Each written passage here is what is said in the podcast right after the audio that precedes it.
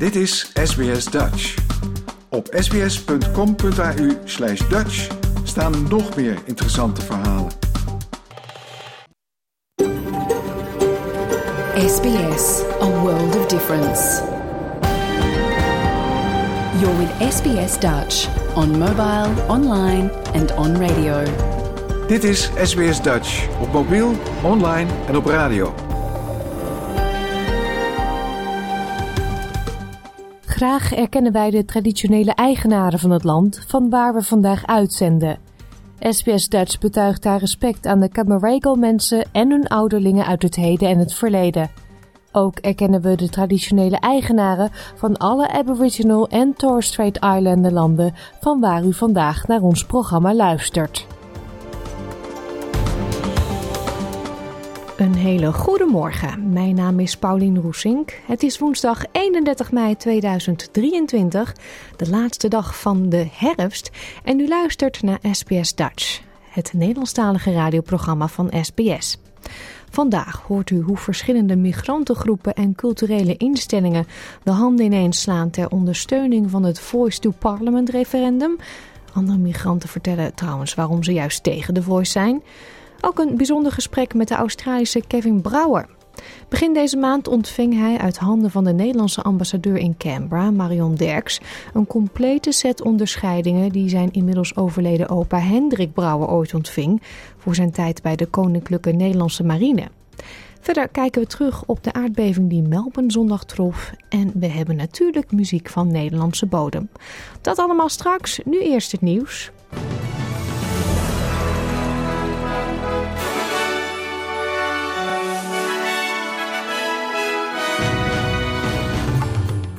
Dit zijn de headlines van het SBS Dutch Nieuwsbulletin van woensdag 31 mei. Wetsvoorstel dat referendum mogelijk maakt aangenomen door parlement. Australische Centrale Bank betaalde personeel onder. En Venus Williams naar tennistoernooi Rosmalen.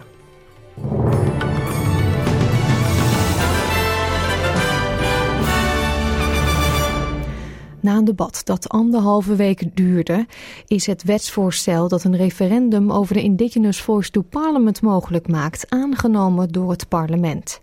Het wetsvoorstel werd aangenomen met 121 stemmen voor, 25 liberalen en nationals stemden tegen. Het referendum zal ergens tussen augustus en december moeten plaatsvinden. Het wetsvoorstel gaat nu eerst nog naar het Senaat, waar het naar verwachting ook zal worden aangenomen. De gouverneur van de Reserve Bank of Australia, Philip Lowe, heeft tegenover de Senaat estimates bevestigd dat de Centrale Bank van Australië personeel heeft onderbetaald. Lowe vertelde senatoren dat de RBA vorig jaar het accountantskantoor P PwC had ingestuurd om de kwestie te herzien. Dat was nog voordat het bedrijf verwikkeld raakte in een belastinglekschandaal. Hij zegt dat de RBA alle nieuwe contracten met PwC heeft stopgezet. Over the last four to five years, spending with PwC has um, ranged between 100,000 and eight or 900,000 a year. So that's the kind of the, the order of spend. Uh, the PwC are going to continue to provide services under this current audit contract because it doesn't make sense to change. But we've taken the decision to enter no new contracts with PwC until a satisfactory response has been forthcoming and a satisfactory response includes both complete transparency and accountability for those involved. And we will not be seeking further services until that happens. De leider van de Nationals, David Littleproud, heeft het gebruik van externe consultants door de vorige regering verdedigd. Het adviesbureau PwC ligt dus onder vuur vanwege het lekken van vertrouwelijke Australische overheidsinformatie met betrekking tot belastingwijzigingen voor grote multinationals. Het bedrijf deelde die informatie met enkele van zijn klanten. Volgens Little Proud gaat het bij het inzetten van consultants om balans. What, what you can do is move with agility uh, to be able to get a more cost effective way to, to bring in skills that the department doesn't have uh, on a temporary basis. I think it's the actions of PwC subsequent to that. And I think this is about where, uh, in balancing budgets, you need to understand you're using Australian taxpayers' money and you have to do that efficiently. And if you're able to, to be able to do that by bringing people in on a temporary basis to get the skill sets that you don't have in the department and don't need full time, then that's common sense. Een man die ervan wordt beschuldigd betrokken te zijn bij het voor 1,2 miljoen dollar telefonisch oplichten van ouderen en kwetsbaren, is gearresteerd op Sydney Airport terwijl hij het land probeerde te ontvluchten. Samiuddin Kaya is overgebracht naar het politiebureau van Mascot en beschuldigd van onder meer het leiden van een criminele organisatie. Het Hogerhuis van Zuid-Australië heeft wetten aangenomen waardoor de straffen voor het deelnemen aan ernstige ontwrichtende protesten aanzienlijk verhoogd worden. Parlementsleden debatteren tot in de late uurtjes over de wetten, die erop neerkomen dat iedereen die wordt beschuldigd van het belemmeren van een openbare plaats een boete kan krijgen tot 50.000 dollar of tot drie maanden gevangenisstraf. Premier Pieter Malinokas zei tegen de ABC dat mensen die legaal protesteren, dakloos zijn of vreedzaam protesteren, deze boetes niet zullen krijgen. The law as it stands, uh, or today, because the, the Parliament hasn't finalised this process, the law as it has always been for many, many decades is actually remaining the same. What the legislation is simply doing is changing the penalty regime uh, to make sure that it's increased so that people can't with impunity break the law, knowing that the fine is only $750 and they can crowdfund that uh, in a way that means they can recklessly, with willful and abandon, uh, completely disrupt the lives of ordinary South Australians. Het Zuid-Koreaanse leger zegt dat Noord-Korea een zogenaamde ruimtesatelliet heeft gelanceerd richting het zuiden. De gebeurtenis leidde tot noodwaarschuwingen en korte evacuatiewaarschuwingen in delen van Zuid-Korea en Japan. Noord-Korea had al aangegeven dat het tussen 31 mei en 11 juli zijn eerste militaire verkenningssatelliet zou lanceren om de monitoring van Amerikaanse activiteiten te boosten. De NAVO zegt nog eens 700 troepen naar het noorden van Kosovo te sturen om te helpen bij het deescaleren van de gewelddadige protesten al daar. Servische demonstranten gooiden maandag traangas en flitsgranaten naar NAVO-soldaten in de Kosovo-stad Zvečan. Bij de ongeregeldheden raakten 30 NAVO-militairen en 52 Servische demonstranten gewond. De Kosovaarse premier zegt dat de burgemeesters die vorige maand gekozen zijn... de enige zijn die legitiem de lokale overheidsgebouwen mogen betreden in dienst van de burgers. Hij zegt dat de aanstichters van het geweld zijn geïdentificeerd... Volgens hem zouden enkele Servische zakenlieden hun werknemers hebben gedwongen te protesteren. Yesterday it was finally proved to us and to all of us who we are facing. Groups of the extreme right in masks who vandalize, attack, burn everything that they do not consider Serbian and who exalt nationalistic and chauvinist symbols. Extremists and militias have separate names. The Serbian community must be freed from them. We have identified most of them yesterday and today. There cannot be individuals or groups above the law, more powerful than the state. Honderden, honderden experts en topmensen uit de techsector waarschuwen voor de gevaren van kunstmatige intelligentie, beter bekend als AI, voor de mensheid. Onder de ondertekenaars zijn wetenschappers en mensen uit de top van Google en Microsoft. In de verklaring staat dat het verminderen van het risico op vernietiging door AI wereldwijd een prioriteit zou moeten zijn, net als andere risico's zoals pandemieën en een nucleaire oorlog. Critici wijzen erop dat AI gebruikt kan worden voor de ontwikkeling van wapens en misinformatie. De Europese Unie komt later dit jaar nog met speciale AI-wetgeving. Honderden gezondheidswerkers in New South Wales leggen vandaag het werk neer en eisen een loonsverhoging van 6,5 procent. Om 12 uur vindt er een demonstratie plaats in Sydney die een uur zal duren, maar patiënten zullen daar naar verwachting geen last van hebben. Ambulance verpleegkundige Tess Oxley vertelde tegen Sky News dat alle gezondheidswerkers het moeilijk hebben. We're the lowest paid paramedics in the country by a considerable amount. And it's gotten to the point, not where we can't go on a smaller holiday than what we'd like to do, but where we're trying to work out how to pay our bills on a daily on a daily basis. This is what our conversations are at work now. I'm having to decide on a week by week basis which bills are a priority. I'm having to try and work out just how much petrol I need to put in my car by how far I'm driving, whether I'm driving just to work or with a second job if I have to drive a little bit further to get to that job. Chris Minns, de premier van New South Wales, zegt hoopvol te zijn dat er een overeenstemming zal worden bereikt. De Amerikaanse president Joe Biden zegt een goed gevoel te hebben over het schuldenplafond en de begrotingsovereenkomst die is onderhandeld met House Speaker Kevin McCarthy.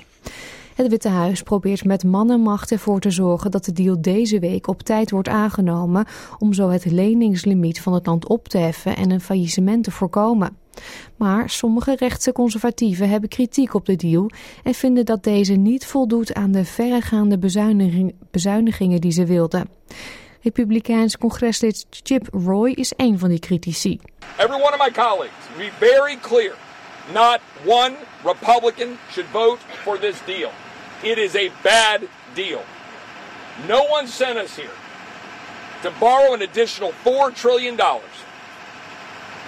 to get absolutely nothing in return.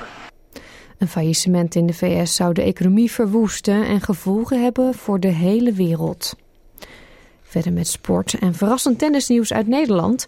Venus Williams neemt op een wildcard deel aan het WTA-toernooi van Rosmalen, dat volgende week zaterdag begint. De 42-jarige Amerikaanse, die nog nooit eerder in Nederland speelde, won zeven Grand Slams en is de voormalig nummer 1 van de wereld. Mede dankzij blessures is Williams afgezakt naar de 701ste plek op de wereldranglijst.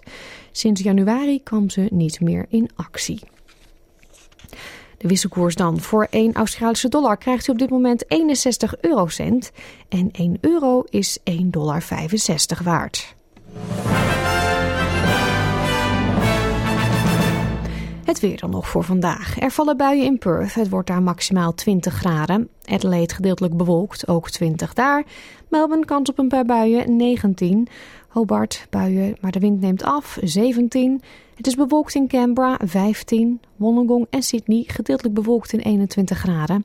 Ook gedeeltelijk bewolkt in Newcastle, 22. Het is zonnig in Brisbane, 24. Cairns een paar buien, 27. In Darwin schijnt de zon, 30. En Alice Springs, daar is het zonnig en wordt het 25 graden vandaag.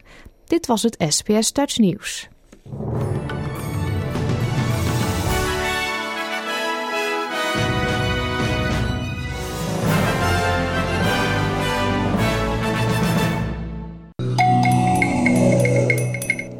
Nogmaals een heel goedemorgen en leuk dat u luistert naar SBS Dutch.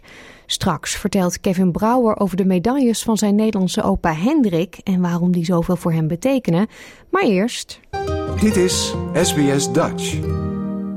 Meer dan 110 migranten en culturele gemeenschapsorganisaties scharen zich achter de ja-campagne voor het Voice-referendum.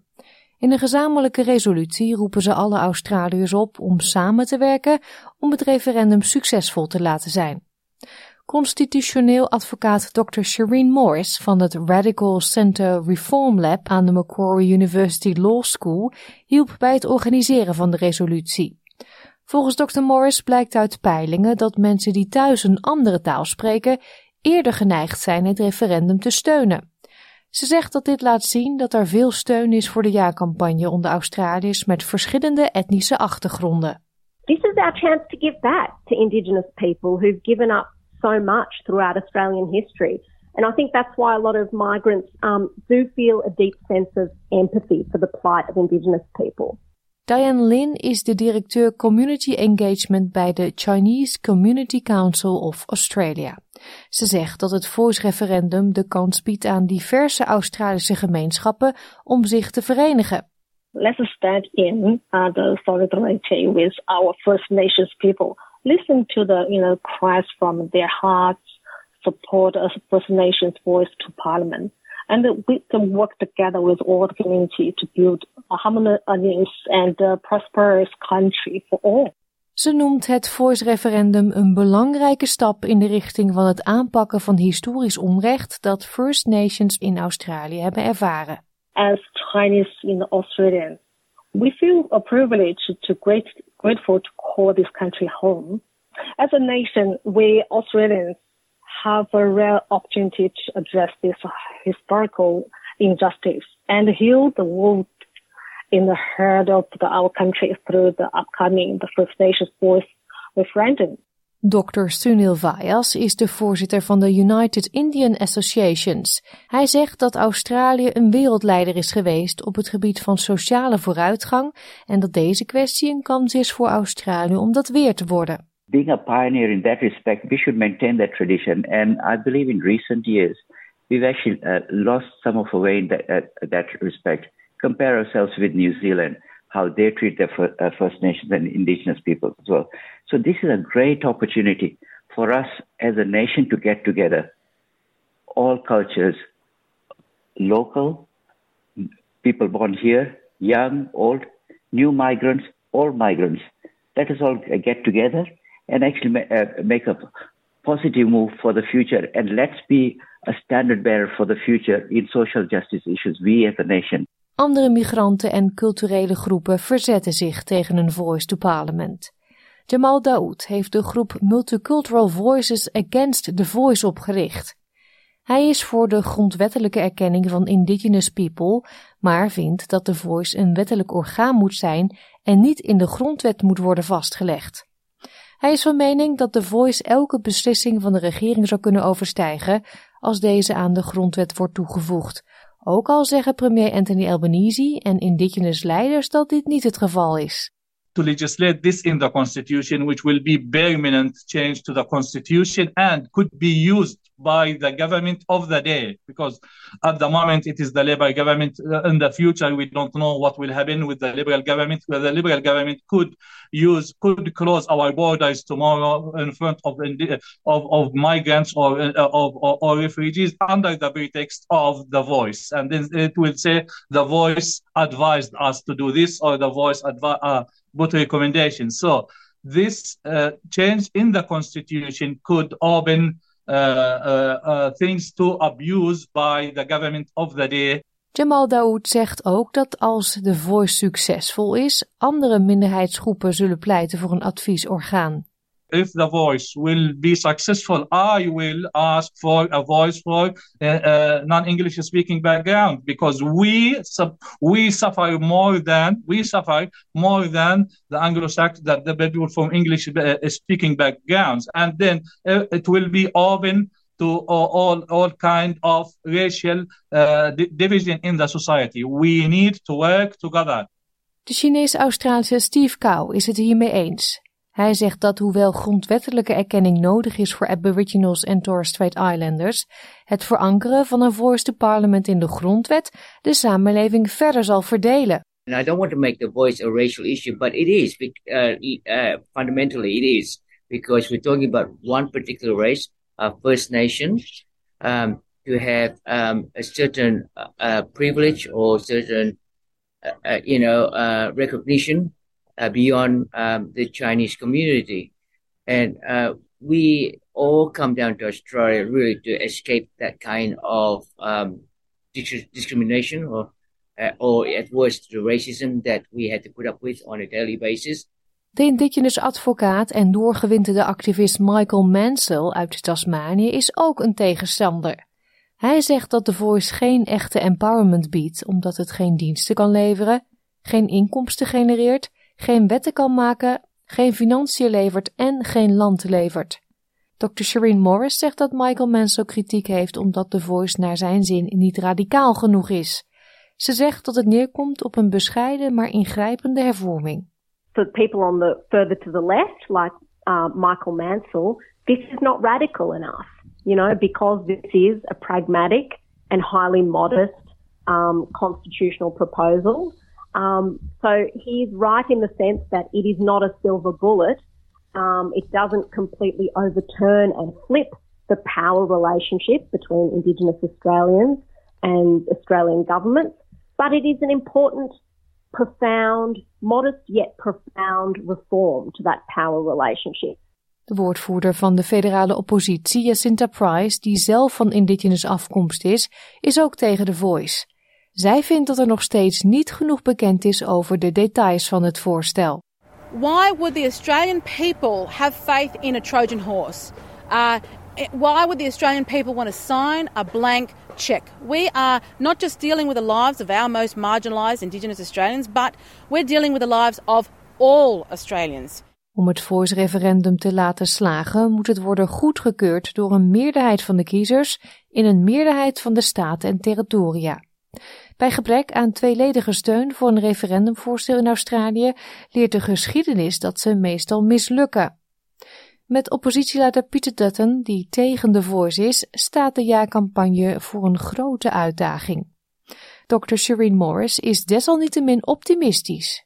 There are remnants of bipartisan support. You know, the idea of a constitutionally guaranteed advisory body was developed by Indigenous leaders in collaboration with constitutional conservatives, including the Liberal now backbencher MP Julian Leeser, who uh, recently gave a speech in Parliament making the conservative case, a very inspiring conservative case for a constitutionally guaranteed Indigenous voice.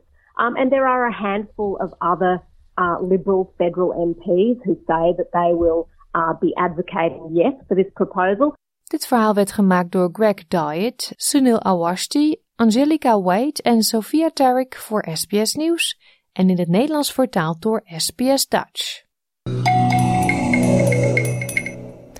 Hendrik Brouwer was van 1937 tot en met 1947 in dienst bij de Koninklijke Nederlandse Marine. Hij diende tijdens de Tweede Wereldoorlog en kreeg daarvoor meerdere onderscheidingen. Kleinzoon Kevin, die zelf jaren bij de Royal Australian Navy werkte, vroeg zich na het overlijden van zijn opa af wat de medailles precies betekenden en of de set eigenlijk wel compleet was. Bij toeval kwam hij in contact met luitenant-kolonel Peter Burgerhout, de Nederlandse defensieattaché in Australië. En mede dankzij zijn hulp ontving Hendrik Brouwer begin deze maand postuum een nieuwe en complete set eremedailles. En aan Kevin de eer om die namens zijn opa in ontvangst te nemen. Vorige week sprak ik met Kevin onder meer over hoe zijn opa in Australië belandde en waarom deze medailles zo belangrijk zijn voor hemzelf. Jouw gemeenschap, jouw gesprek, SBS Dutch.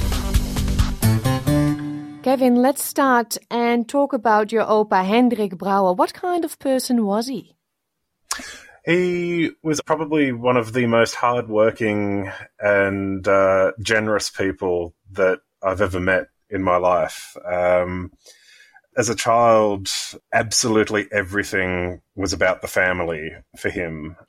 He grew up in an orphanage in uh, the Netherlands in Nijkerk, and he had a, a, pretty hard upbringing. I'm led to believe, and I, I really think that that uh, definitely took over and influenced a lot of, I guess, his feelings and his interactions with family ever since. So things like birthdays, Christmas, Easter, any sort of family gathering was enormous. Um, the more people that he could have around, the better. The food was a huge part of it. And he was one of those people that would always put himself last, but would do absolutely anything for everybody else and especially the family. So growing up, he was definitely a, a very, very big part of my world. And aside from the very stern, grumpy looking face, which I don't know whether that comes with age or if it's uh, the stereotypical older Dutchman, but uh, he was definitely a very, very loving and very kind man, especially once you got to know him. Yeah. Did he tell you why he joined the Navy? Um, I'm not 100% sure exactly why, but I imagine it was most probably uh, something along the lines of, I suppose, a, a secure job and a, a, good life for himself in terms of being able to actually travel to see the world, because he was always one for experiences. He was always someone who wanted to go places, do things, and really make something. So after he left the orphanage, he trained as a coppersmith and um, was always very, very good with his hands and was one of those sort of people that he could see something almost once and just turn his hand to it and really make a go of it. So when he joined the Navy in 37, he joined as a, as a stoker.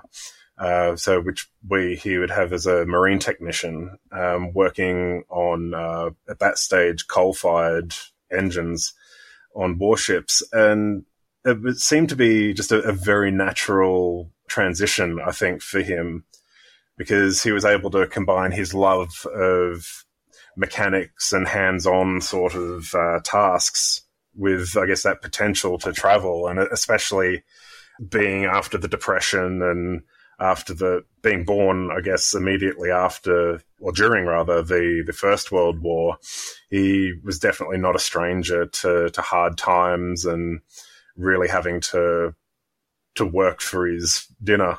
So I think the Navy was just naturally a very very attractive choice for him. It was a good career. Uh, he could learn new skills and could definitely travel and a, a certain element of adventure, I would imagine. Um, but an adventure which, during World War II. Well, because he joined prior to the war, so 1937. I guess people were still pretty hopeful that uh, war wouldn't necessarily be coming around, and particularly in the Netherlands. Um, after having been neutral in the First World War, I guess there was that element of hope that they won't have to to be involved in in the next one if it does indeed come. Um, and for him, a lot of his, his early uh, service was in the Dutch East Indies. So I, think there was a lot of that sort of the possibility of adventure and seeing the world and uh, yeah, it was definitely a very attractive choice at that stage, I would say. Mm. Yeah, his ship was named the HMS Tromp. Uh, correct. Yes, after uh, two Dutch admirals, I believe, uh, Martin Tromp and Cornelis Tromp. But it also um, had the name Lucky Ship. Yes, yes. So uh, that comes from during during World War II. They served very extensively in uh, the Pacific theater as well as in the Indian Ocean and uh, it was actually, I think, seven times that the Japanese reported to have uh, sunk the ship. And because they were apparently sunk and there were no survivors, it was declared that they were lost with all hands. But obviously, there were no survivors because the ship was never actually sunk. um, so, fortunately for him, and certainly for me, because I wouldn't be here, uh, their luck never really ran out um, no. throughout the whole war. No, that's amazing. And um, this is also how your opa, Hendrik Brouwer, in the end ended up in Australia. He was here to defend yes. the Dutch East Indies. Yes, he was. And um, met the love of his life. Yes, uh, it was uh, quite fortuitous, actually. So um, after 1939, the Tromp sailed for the Dutch East Indies and was based there until the Japanese took over. And then, after damage that they received in Bali, they ended up going to Fremantle in Western Australia.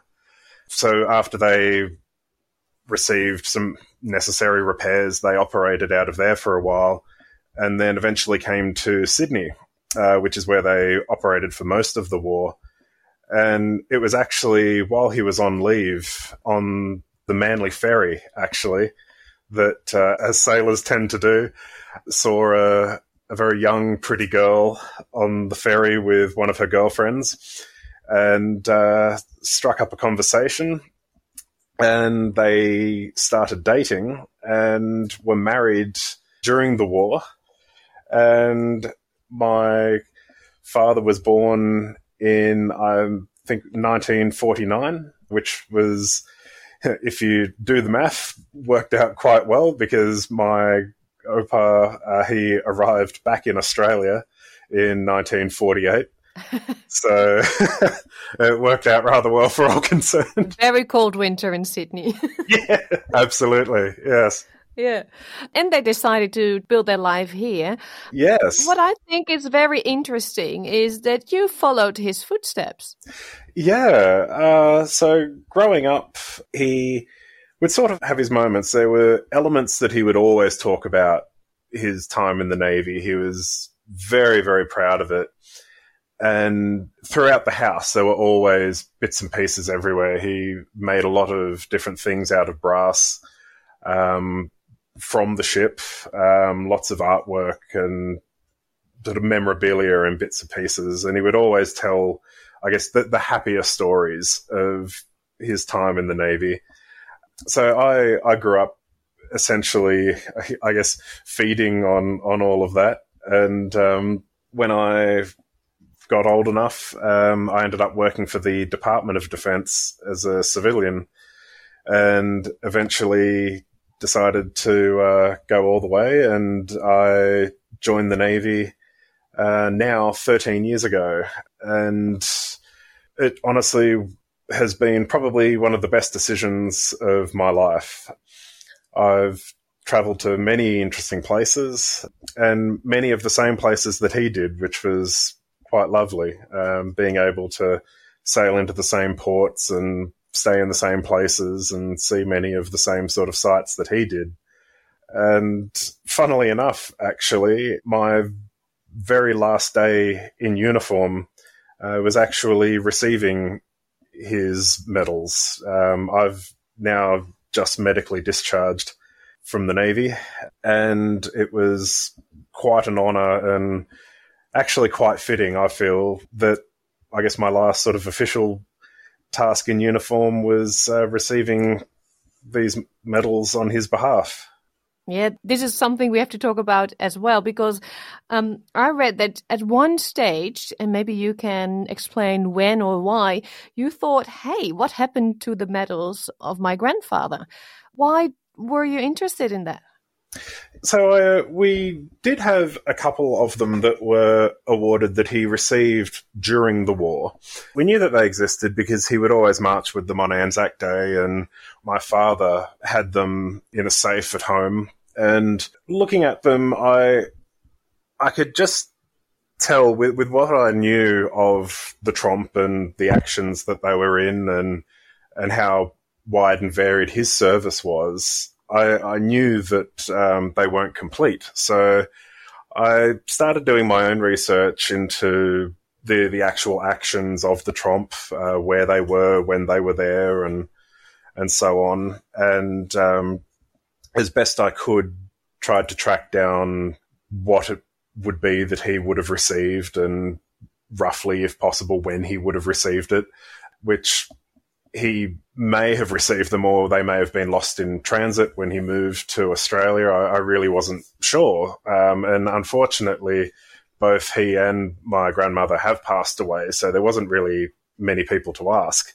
Hmm. I was eventually able to track down his service record through the archives in the Netherlands, which was an enormous help because by a sheer coincidence, actually, one of the last postings that I was doing in the Navy was working as a staff officer at the Sea Power Centre. So, the Sea Power Centre is responsible for organising many international engagements. And what I was particularly working on at that time was the Indo Pacific Conference, which is a, a large multinational conference that occurs every couple of years and involves nations from all over the Indo Pacific region or countries that also have an interest in the region. And as luck would have it, the Netherlands send a delegation out there each conference. And I happened to be having a coffee during the intermission of one of the sessions. A number of uh, naval officers and army officers standing around also having a coffee and recognized the uniforms as being Dutch. So I thought, oh, I'll, I'll go over and introduce myself and say good day and ask them how they're enjoying their time here and so on. And as luck would have it, uh, one of the gentlemen that I was speaking to there is the current defense attache from the Netherlands, Colonel Burgerhout. And we struck up a conversation and over a, a few coffees while, while we were waiting for our various people the topic came up, and he was able to be incredibly helpful actually throughout this whole process in terms of, I guess, getting me in touch with the right people and what documents to send who and and all of that. And uh, through a great deal of work on his part and that of the various other people at the Dutch embassy here in Australia, they were able to put the wheels in motion to actually have a complete set of his medals um, issued to me, which was just absolutely unbelievable. Zo dadelijk vertelt Kevin onder meer hoe het was om deze medailles te ontvangen uit handen van de Nederlandse ambassadeur.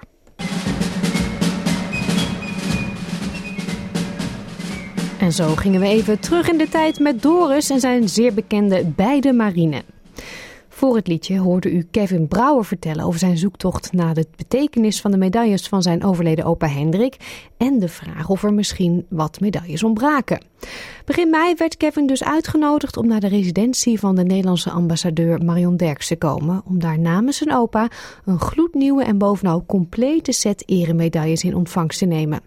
Een gebeurtenis die veel indruk heeft gemaakt. It was an absolute honor. Um... the hospitality and the assistance that was given to me and to my family was just something that I will eternally be grateful for. It was a wonderful service. Um, they said some very kind words, and it is honestly probably a highlight of my life that I, I will never forget. How important are those medals to you? Beyond words or, or monetary value. I think it's very easy to to look at medals as um, you know it's it's something shiny. It's a a fun sort of thing to put on your uniform and look important and all the rest of it. But to people who have served or are serving or, or family members of those serving, it means something much more. Um, what they represent is far more than just the metal and the ribbons. Um, e- each of those medals and what they're actually for, it represents the sacrifices that he made, the sacrifices that his family made, the the time away from family, the obviously the danger and things like that that come with military service, but especially during the Second World War, there was obviously no internet. You couldn't just jump on Skype and say hello and know if somebody was safe or whatever. You you would have mail that would come very irregularly, if at all. And as we were talking uh, about being the lucky ship, um, my grandmother was repeatedly given information that the Tromp had been reportedly sunk. That would just be heartbreaking. I, I couldn't imagine. Um, and you can't exactly pick up the phone to to call him and see if he's he's there and uh, if that is true or not.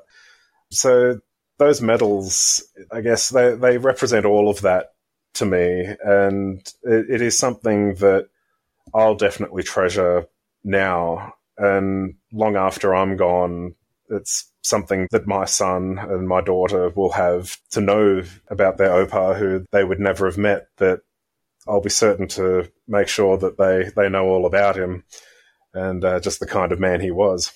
Yeah. Do they have a special place now in your house or are they safe, tucked away in the safe? They certainly will. They're sort of doing the rounds at the moment between family members to show them and um, bit of a, a talking point at the moment. But uh, once they've, I guess, completed their their round of the family, uh, yes, they'll be on the wall in my study uh, and eventually next to mine, uh, which will be quite lovely. I, I have a a couple of um, photos and paintings in here. One is a a photo of uh, the crew of the Tromp uh, that was taken when they were in Fremantle, all formed up on the ship and that sits opposite a painting that my uncle, uh, who was also in the Navy, uh, did of the Tromp sailing off into a, a, stormy sea, so which is uh, sort of quite fitting. And I was fortunate enough to receive a real surprise as well at the ambassador's residence. A presentation was made to me of a print of a painting that was made by a Dutch artist for the Dutch Maritime Museum. And I'm led to understand that this is the first print that's been made of that painting. And it's of the Tromp during Operation Crimson, which was a operation led by a multinational group of Australian, British, and Dutch warships to bombard and take back Japanese occupied areas in the Dutch East Indies. And a real coincidence is that uh, this painting depicts the action that happened on the 25th of July in 1944. And it was actually on the 25th of July, not 1944, uh, that I met Colonel Burgerhout, and all of this was actually able to uh, get the wheels in motion. Well, I love that. Quite a happy coincidence there. Yeah. Well, thank you so much for sharing your story, Kevin. It's amazing. Oh, look, you you are very welcome. It's an absolute honor uh, to be able to tell just a little bit of uh, of his story and his achievements, and I I really thank you for giving me that opportunity. Melbourne schudde zondag op zijn grondvesten. De stad werd getroffen door de krachtigste aardbeving in de omgeving sinds meer dan een eeuw. De beving had een kracht van 3,8 op de schaal van Richter en werd tot in het zuiden van Tasmanië in Hobart gevoeld. Rond het epicentrum in Sunbury zijn enkele gebouwen beschadigd geraakt. SBS Dutch. Deel onze verhalen op Facebook. Fernando Bergella, directeur van Personal Support Systems, opende afgelopen weekend in Sunbury net een nieuwe support hub voor gehandicapten. Klaar voor een nieuwe drukke werkweek keerde hij maandagochtend terug naar kantoor. I noticed there was a few cracks in some of the doors, and, and very noticeable considering that it's a, pretty much a new build. And then I noticed on the outside of the building big gaps between the concrete pavement and the building, the, the brickwork itself. En dus kan het centrum voorlopig nog niet open. Because we're in the disability space, we need to make sure that it's safe and accessible. So, because the floor has shifted and it's not level, we do need to assess that and, and probably have a look at the slab. We can't allow participants when the floor's uneven. So, yeah, it's going to put us off a little bit. We were planning to do a soft launch relatively soon.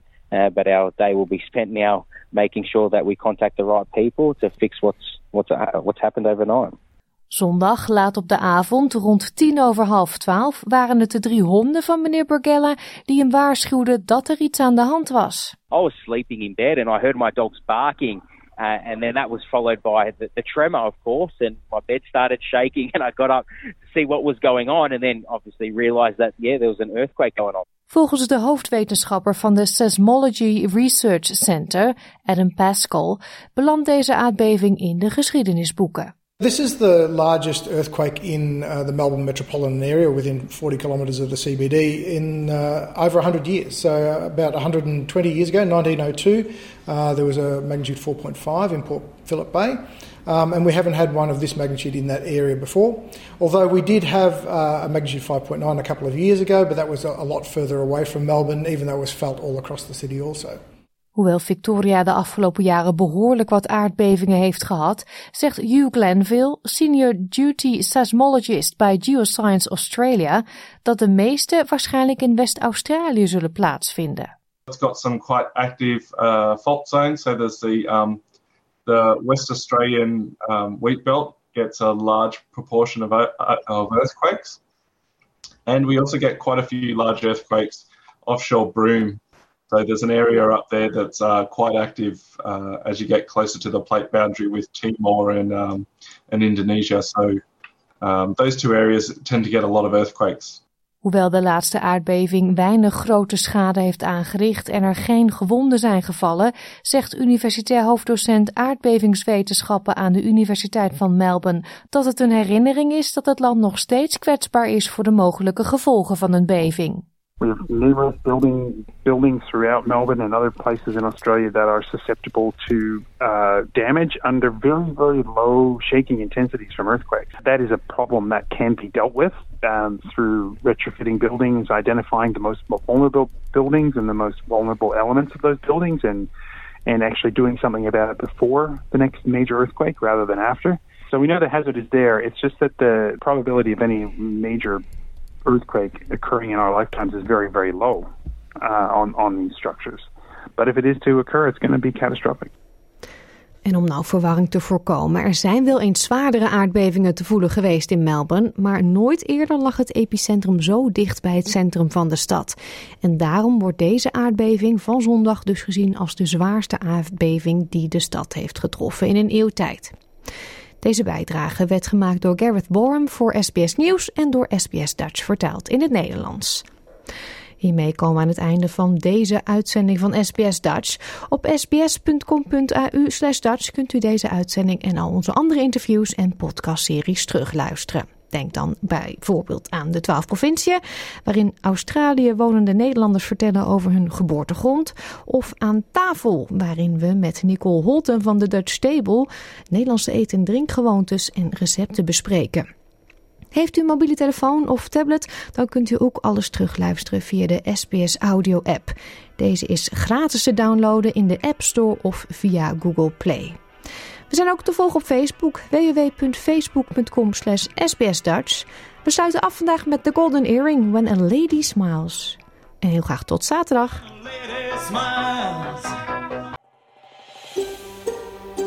Wil je nog meer soortgelijke verhalen? Luister via Apple Podcasts, Google Podcasts, Spotify of waar je je podcasts dan ook vandaan haalt.